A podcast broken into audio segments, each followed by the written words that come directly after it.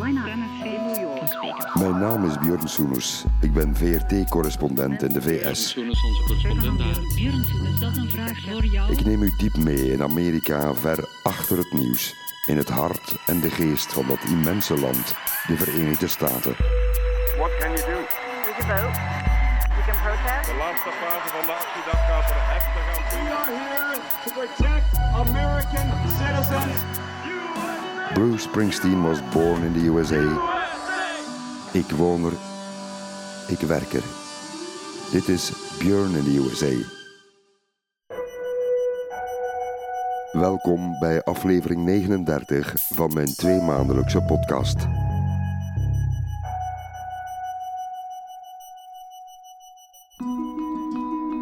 Joining the conversation, author and commentator Anand Giridharadas. He is the Let's host. turn to Anand Giridharadas, MSNBC political analyst and author. Congratulations on a book that has made you the enemy of billionaires all over the world. Right. You are a foolish man. Right. Anand Giridharadas is journalist en schrijver. Hij woont in Brooklyn, New York. Hij groeide op in Ohio, in Maryland en in Parijs. Hij is geboren uit Indiase ouders. Voormalig columnist van de New York Times, docent journalistiek aan de New York University.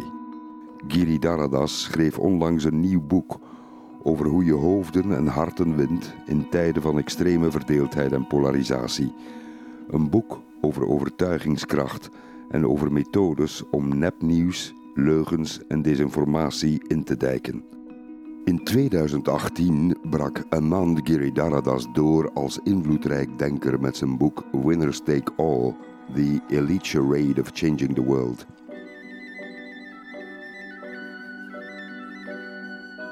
Daarin beweert hij dat de leden van de mondiale elite, hoewel ze zich graag bezighouden met filantropie en goede doelen, hun rijkdom en invloed vooral gebruiken om systemen in stand te houden die rijkdom aan de top concentreren, ten koste van maatschappelijke vooruitgang.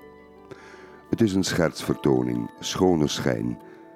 Deze opvatting uitte hij al in 2015 voor een groep rijke zakenlui in het chique skioord Aspen in Colorado. So let's just come out and say the thing you're not supposed to say in this valley. That many of the winners of our age are also in some way contributors to the problems they bravely seek to solve. Aan de keukentafel bij me thuis in Brooklyn vertelt Anand Giridharadas hoe de elite reageerde op zijn aanklacht dat de plutocraten niet de zelfverklaarde redders van de wereld waren. Once you said to these people in Aspen, I'm sorry to say so, you're not the saviors of this world. How did they react? Not well, not well.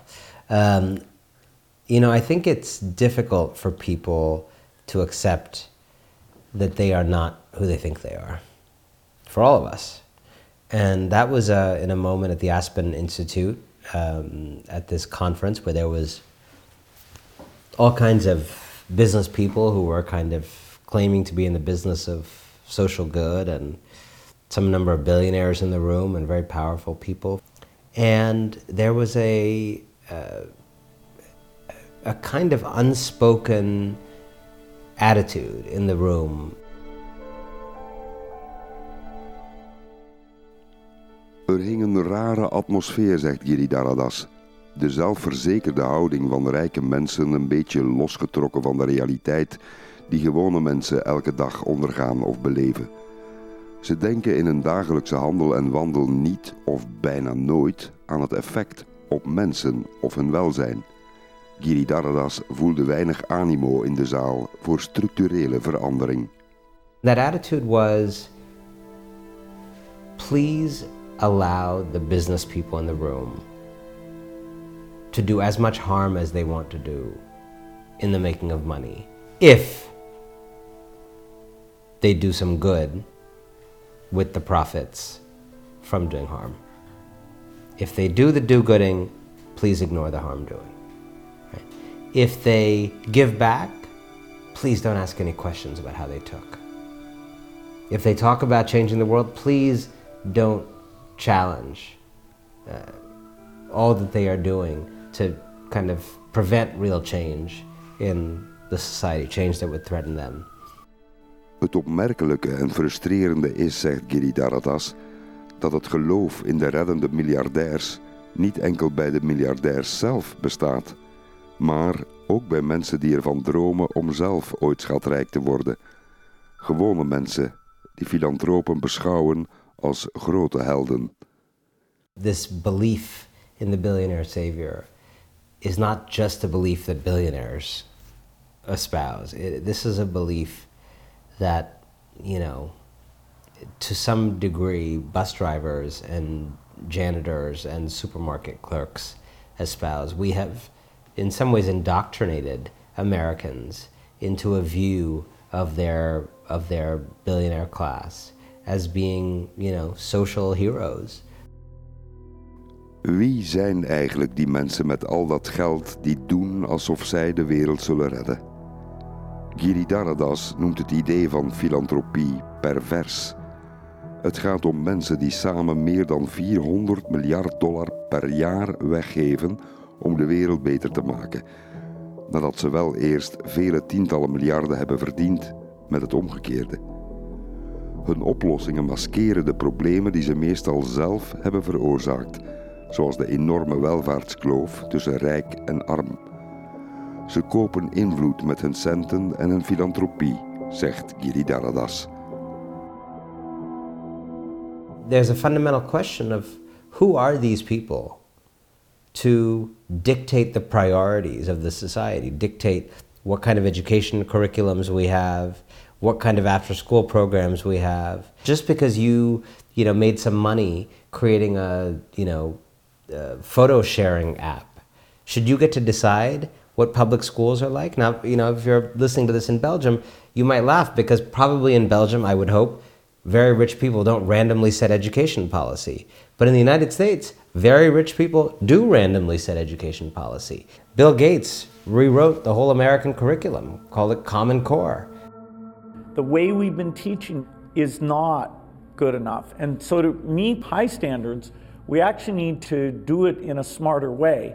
I don't know. Bill Gates is like a random rich guy. I have no, I, I, I'm pretty sure I never voted for Bill Gates to redesign educational policy in the United States. But here we are.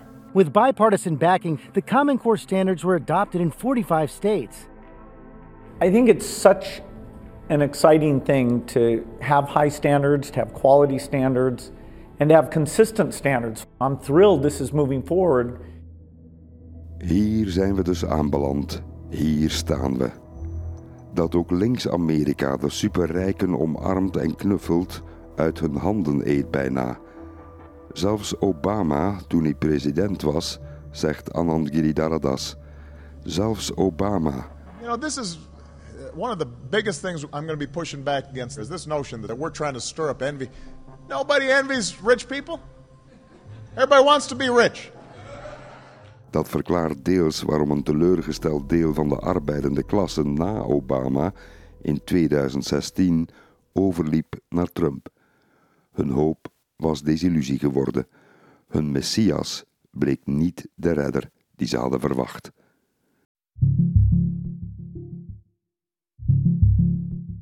Obama, who's coming from a kind of community organizing background and talks about we the people, is, you know, one of his leading donors was Goldman Sachs.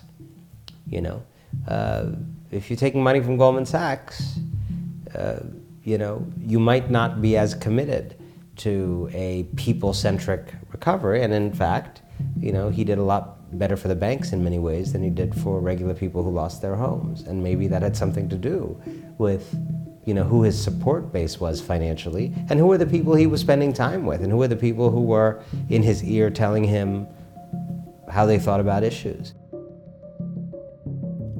Er is veel woede en frustratie in de VS. Al meer dan twintig jaar is het aan het broeden. Anand Giridharadas herinnert zich nog dat hij als jobstudent een artikel mocht schrijven. Het was ergens in de zomer, begin jaren 2000, over hoe het Amerika van president Clinton net volledige vrijhandel had afgekondigd met China. This agreement exchanges membership rights for China in the WTO for economic opportunities for America without the tariffs, which have limited our ability to benefit from their market for too long. Dat was het grote keerpunt, weet hij nu. Dat ontketende de lancering van China als wereldmacht. En niemand die het op dat moment besefte. We were deciding in that moment that basically Americans would never really make anything ever again. But no one talked about it that way. We were deciding that the in many communities in this country, the only thing men kind of know how to do when they come out of high school and what their fathers and grandfathers did, we're just going to take that away hmm. in a three-year period and migrate it all to Shenzhen. And we never really, there was not really a discussion of this, right? So if you want democracy to endure as a system, you have to show people that it works. You have to give people a say. And what happened uh, in a lot of the neoliberal era, uh, certainly from the right, but also from you know center-left pro-market parties, is just kind of this embrace of the, the right answer is to trade more. The right answer is to offshore and outsource and do technology as much as we can. And I think there were lots of people down below saying, hey, your theories aren't working in my community here in North Carolina. No men have sense of purpose anymore. People turning to opioids and we're insecure about our status in our families relative to women and all, and there's a destabilization happening. And there was just from the from the elite on the political left, almost kind of an attitude of, no, no, no, you don't know what you're seeing. Trade is good for everyone.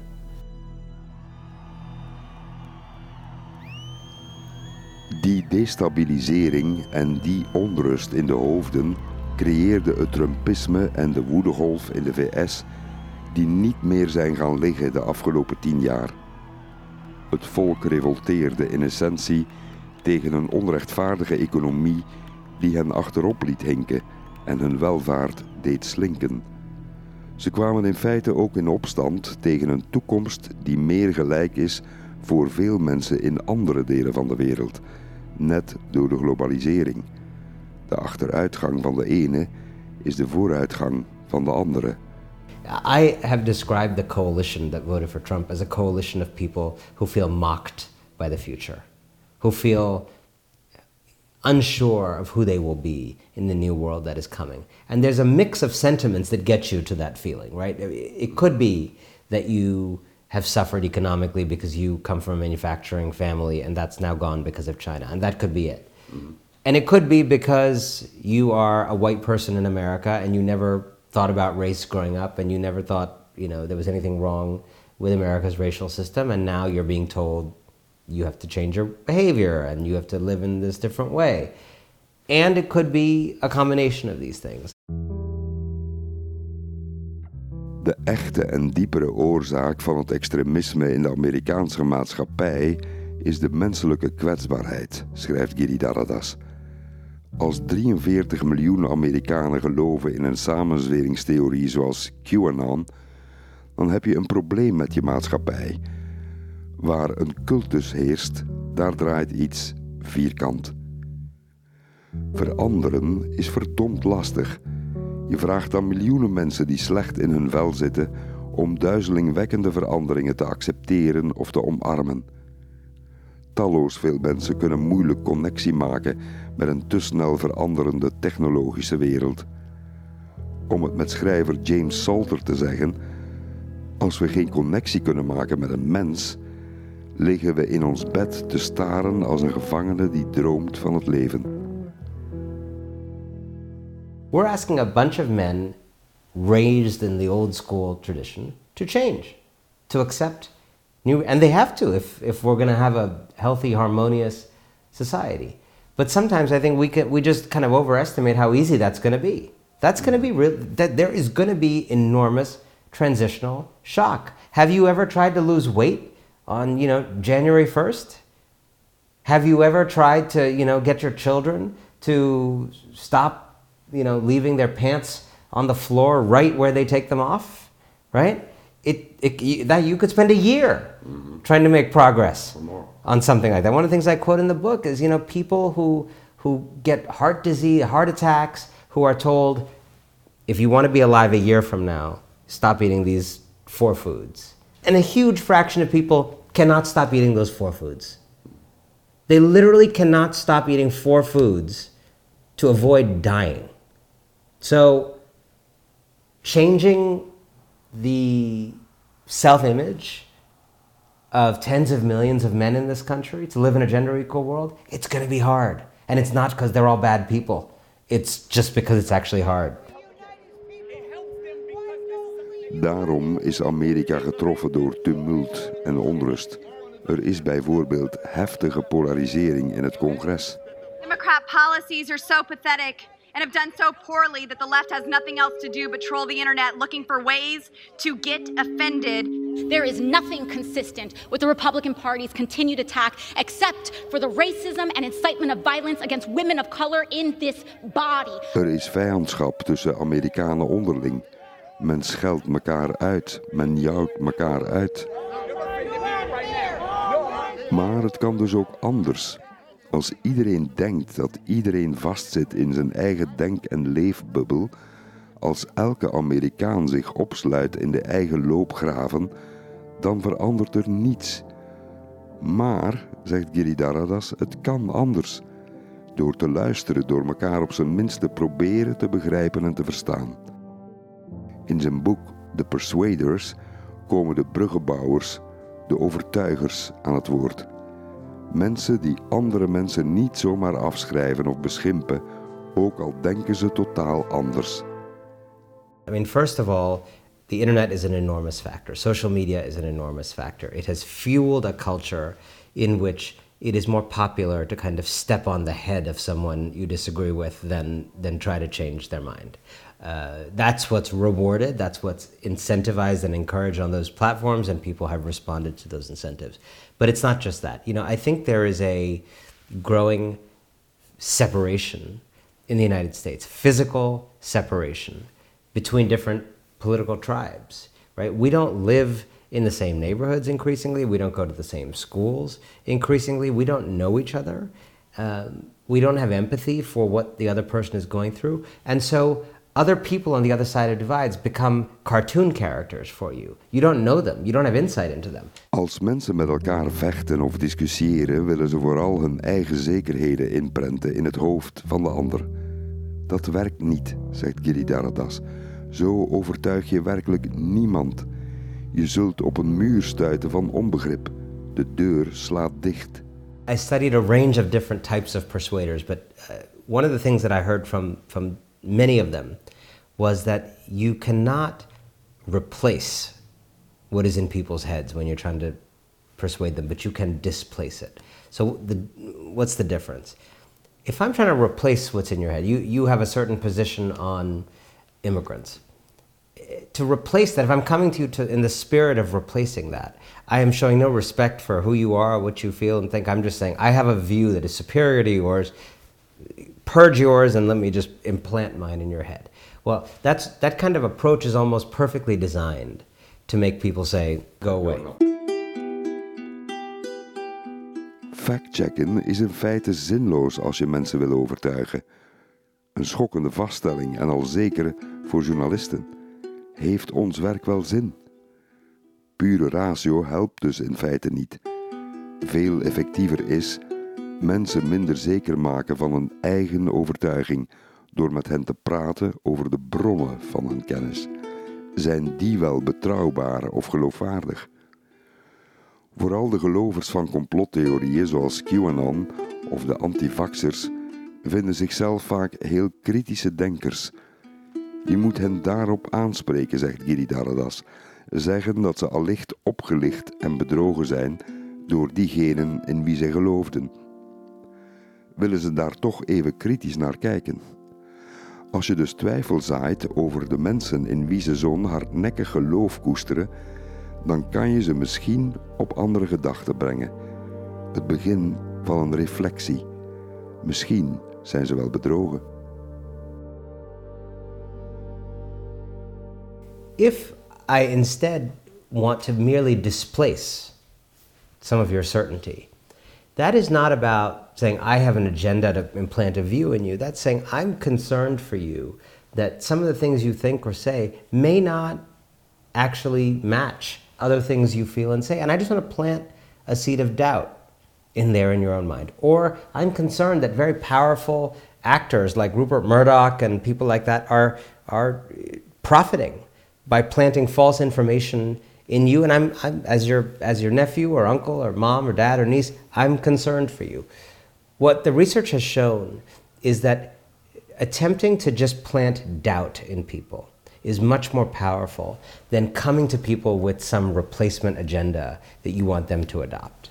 So fact checks, as they are often done in journalism, so this was a lie, this is the truth, doesn't work. And this is a, you know, for, for we're both journalists. I mean, it's kind of disappointing that uh, fact checks That don't was work. shocking for me, yeah. Een ontnuchterende vaststelling. Maar het is zeer menselijk. Als je mensen bombardeert met nieuwe kennis die tegen hun leef- en denkwereld indruist, dan gaan ze in een egelstelling zitten. Dat is dus heel menselijk en heel begrijpelijk. Het is een vernederende ervaring als een schoolmeester of schoonmoeder die je terechtwijst. Wie het meemaakt, voelt zich in de hoek gedrumd. Niet de beste methode dus om anderen tot andere gedachten te brengen.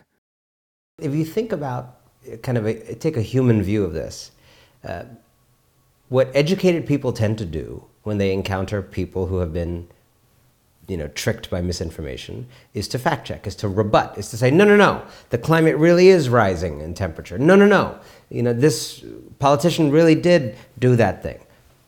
The problem is people uh, perceive that on the receiving end as an attack on themselves and on their worthiness and, you know, and you can get into a debate about it, but it doesn't matter. That's just what happens. Op verschillende plaatsen in de VS worden daarom nieuwe campagnemethodes uitgeprobeerd. Eén ervan heet deep canvassing. To canvass betekent eigenlijk van deur tot deur campagne voeren, mensen aanspreken. Het nieuwe aan deep canvassing is dat je er ruim de tijd voor neemt. Diep, lang blijven praten met mensen, doorvragen en vooral veel luisteren. Waar komt een opinie vandaan? En hoe vind je een gaatje om een ogenschijnlijk verstarde mening te veranderen of te nuanceren? Wat hebben die mensen meegemaakt waardoor ze extremer of onverdraagzamer zijn gaan denken? Anand Giridharadas noemt dat het echte veldwerk voor meer democratie. What happens in deep canvassing is that these activists, LGBT activists originally, um, but it's become you know undocumented uh, immigrants in the United States going door to door talking to people about immigration, any number of issues. They go and they listen, and people say, not always, but often, some pretty horrible things. Often they're saying horrible things about the group that the person standing in front of them belongs to whether they even know that or not. They may not know that you're undocumented. They may not know you're a trans person or gay, but they will say, you know, terrible things about gay people being a threat to children or transgender people being unnatural, you know, these, these kinds of things. And these campaigners just stand there. They do not rebut, they do not fact check, they listen. They listen, they listen. And they don't do this because they are wallflowers or because they're weak. They listen because they are strategic. And the listening builds trust. The person now feels like, okay, you care about what I think. And once that bridge of trust has been erected, it, it, there's an opportunity then for a deeper conversation. And so reflection begins to happen. Al te vaak preekt ieder voor eigen haag. Of men probeert de middenkiezers te verleiden. De zogenaamde gematigde kiezers, de centristen. Wat men dan doet, is de eigen boodschap bijveilen of veel water bij de eigen ideeën toevoegen. De scherpe kantjes eraf vijzen om zielen te winnen. Wel, dat werkt niet.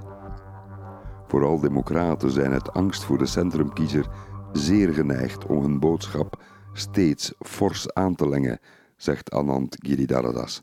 Persuasion by dilution in the United States has become for the Democratic Party the norm. You know, okay, we won't fight all of climate change; we'll just fight some of climate change. You know, uh, we won't, you know, do free college for everyone. We'll do free college only if you are, you know, poor or you know lower middle class.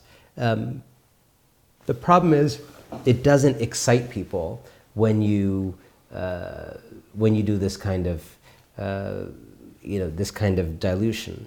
And so, if you really want to win moderates, I, I learned through the reporting, you need to encircle them with this feeling that, yeah, that's free college is what everyone's talking about. Free college is what everyone's in favor of free college these days, right? So, in that sense, I think people, a lot of moderates choose a politics or a, a candidate or an issue, a stance on an issue, the way we choose pants, which is not through some elaborate analysis, but through some kind of instinctual sense of what everyone else is doing. Giridharadas noemt het opzettelijk verwateren van de boodschap een tragische vergissing. Dat is niet waar de middenkiezer op zit te wachten. Hij bepleit daarom net het omgekeerde, want gematigde kiezers, die bestaan gewoonweg niet, beweert hij. Well, this is one of the things that you know really blew my mind in, in reporting the book. I mean, we all, if you think about moderates, we in English, you know, would use words like centrist or middle of the road or or uh, things like that. And there's a kind of imagined thing that if this table is a political spectrum, a moderate is you know someone standing right at that midpoint. And if you just think about it for a second, you say, you know, that's kind of weird that there's all these people standing at exactly the same, uh, you know, point in the middle. And if you then think about the people you know in your life who maybe vote for the right in some years, vote for the left in other years, it's not because they're standing, you know, in the exact midpoint of the political spectrum. It's because they are torn. Once you have this view of moderates as people who could go either way, as people who are complicated, who are kind of battlefields of warring sentiments, um, then what you want to do is not go to the middle to try to meet them because they may, they may not be there when you knock on the door. What you want to do is encircle them with social proof that your way of thinking is the normal way of thinking, that everyone around them is thinking the way you want them to think, right? So you don't reach moderates by cutting your ideas in half. Wat democraten ook fout aanpakken, zegt Giridharadas in zijn boek bij monden van een campagnestratege, they scare the shit out of people. Ze proberen hun basis aan te vuren door alle gevaren van rechts-Amerika die op de mensen afkomen in de schijnwerpers te plaatsen. Onderdrukking van kiezers, verbod op abortus, onbetaalbare ziekteverzekering, onbetaalbare universiteiten. Allemaal vrij correcte analyses en de activisten komen gegarandeerd op straat. Maar het breidt je basis niet uit. Je trekt er geen nieuwe mensen mee aan. Je schetst geen mooie toekomst. Om nieuwe kiezers te winnen moet je een boodschap brengen die optimisme brengt over hoe het wel veel beter kan en hoe dat er dan uit gaat zien. Democraten doen dat veel te weinig, zegt Giridharadas. Ze houden meer van wat hij noemt crisisporno. You know, particularly if you look at um, the Democratic Party around elections, it's kind of, uh, you know, if you excuse the phrase, it's like crisis porn, right? It's just like I'm, off, I'm, I'm trying to entice you with crisis, right? We got a climate crisis. We have a racial crisis. We have an economic crisis. We have a health crisis, right? And, and it's trying to somehow pull you in by telling you how utterly dangerous and terrible everything is. And the, the funny thing is, it actually works on the most devoted, committed base, right? Which is why it happens. And it, and it works on the people who give the most money to political parties. So there's a kind of feedback loop where you think that crisis porn is working because it's riling up the activists. The problem is for the more disengaged folks in the middle, the people who don't think about politics every day, who are not living and breathing it, crisis porn is a huge turnoff. It's a, it's a, it's a deeply demoralizing thing. They, their lives are hard enough, right? They have to take two different buses to get to work. They have a you know 90 minute commute home every day their kids are struggling with reading, uh, any number of uh, issues that people deal with in real life. And now you're coming to them and saying, I got some more problems for you, Bjorn. I, I, I have so many more. Would you like some more problems? Dit is een gouden raad voor alle politieke partijen en politici. Paint the beautiful future. Spreek over een toekomst waar problemen opgelost geraken Deprimeer je kiezers niet nog meer, geef ze niet nog een extra machteloos gevoel in hun al lastige leven. Martin Luther King zei toch ook aan zijn toehoorders: I have a dream. I have a dream. Hij zei niet: Here is another frustration. Democraten kunnen dus een les leren van radicaal rechts in Amerika, schrijft Giridharadas. Op de een of andere manier begrijpen zeer rechtse bewegingen veel beter de psychologie van de mens. If movements for progress, for equality, for justice, do not uh, are not able to summon people to that beautiful tomorrow, I think they're going to be constantly falling short of. Uh, of you know increasingly dangerous movements on the far right, increasingly in some cases fascistic movements on the far right, that offer this weird mix of rage and dystopia, but also kind of exuberance. There's a kind of transcendental, exuberant experience that has you know always been at the heart of those kinds of demagogic movements. Zelf kan ik dat bevestigen. Ondanks de agressie tegen de pers, u weet wel, vijanden van het volk, fake news, fake news, leugenpers, kon ik altijd zeer duidelijk de clubsfeer voelen op Trump-rallies. Een soort grote familie. De ambiance was hartelijk onder de supporters en ze waren blij voor mijn microfoon. Why should Donald Trump be re-elected? All the stuff he's done for our country, um, making us safer, making the companies come back. Boosting our economy. I mean, everything is just great. Everybody here is super happy. Everybody's in a great mood. Um, so I mean, I, I, I would just ask somebody why not. Velen van hen voelden zich vele jaren lang uitgesloten, vertrappeld, uitgestoten en letterlijk ongehoord. Trump bracht hen samen. Thank you. And I love you. I do. I love you. I love you. Links is daar veel minder goed in. Democraten willen hun beleid verkopen, maar vergeten te feesten. Ze vergeten dat mensen op zoek zijn naar een thuis, naar een clubgevoel, een groepsgevoel, een gemeenschap, samenhorigheid, zegt Anand Giridharadas. Mensen vergeten wat je gezegd hebt.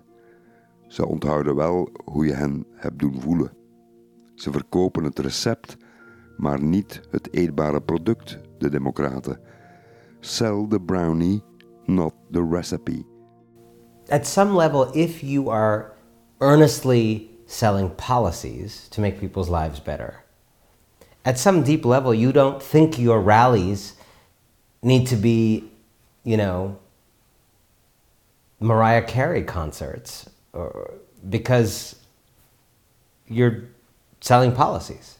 Mm-hmm. You're not in the business of making people sing and dance and, you know, uh, feel young again, you're trying to sell policies. Well, I think one of the lessons of the book is sorry, policy does not sell itself, facts do not sell themselves. Uh, you know, the, the kind of right intentions do not sell themselves. You need to build movements that people are desperate to get into. Desperate to get into, right? You need to build a, a cause that is life giving to people. Ooit was er wel vreugde in linkse middens en groepen, toen de vakbonden nog bloeiden, 50 jaar geleden. Maar onlangs raakte bekend dat nog maar 10% van de Amerikanen lid is van een vakbond, het laagste cijfer in jaren. In de privésector is het nog een pak minder. Veel bedrijven werken vakbonden tegen en grote bedrijven zijn in de VS niet verplicht om vakbonden in het bedrijf te hebben. Er moet elke keer een stemming aan vooraf gaan, per afdeling, per bedrijf. Zo is maar één, ja, 1% van het personeel bij koffiereus Starbucks lid van de vakbond. Zo'n 3000 leden op 350.000 personeelsleden. Die evolutie heeft links in de VS enorme schade berokkend en het groepsgevoel leeggezogen. Aldus Giridharadas. Labor unions have been kind of leached and separated from the center left parties around the world, including the Democratic Party, but, but everywhere.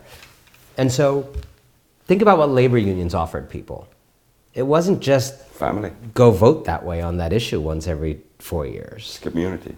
It was everything. It was food. It was shelter. It was religion. It was love. It was caring. It was people who would be there for you if times got hard.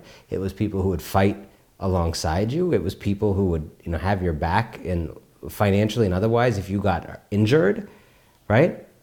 And you think about what a union, average union offered an average person, and then you think about modern political parties on the left. To me, it helps understand a lot of where the world is right now.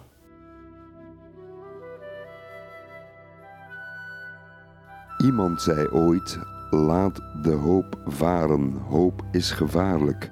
Te veel teleurstelling en hartepijn als de hoop ijdel blijkt. Optimisme is een stuk raadzamer. Blijven geloven in een toekomst, ondanks de tegenslagen.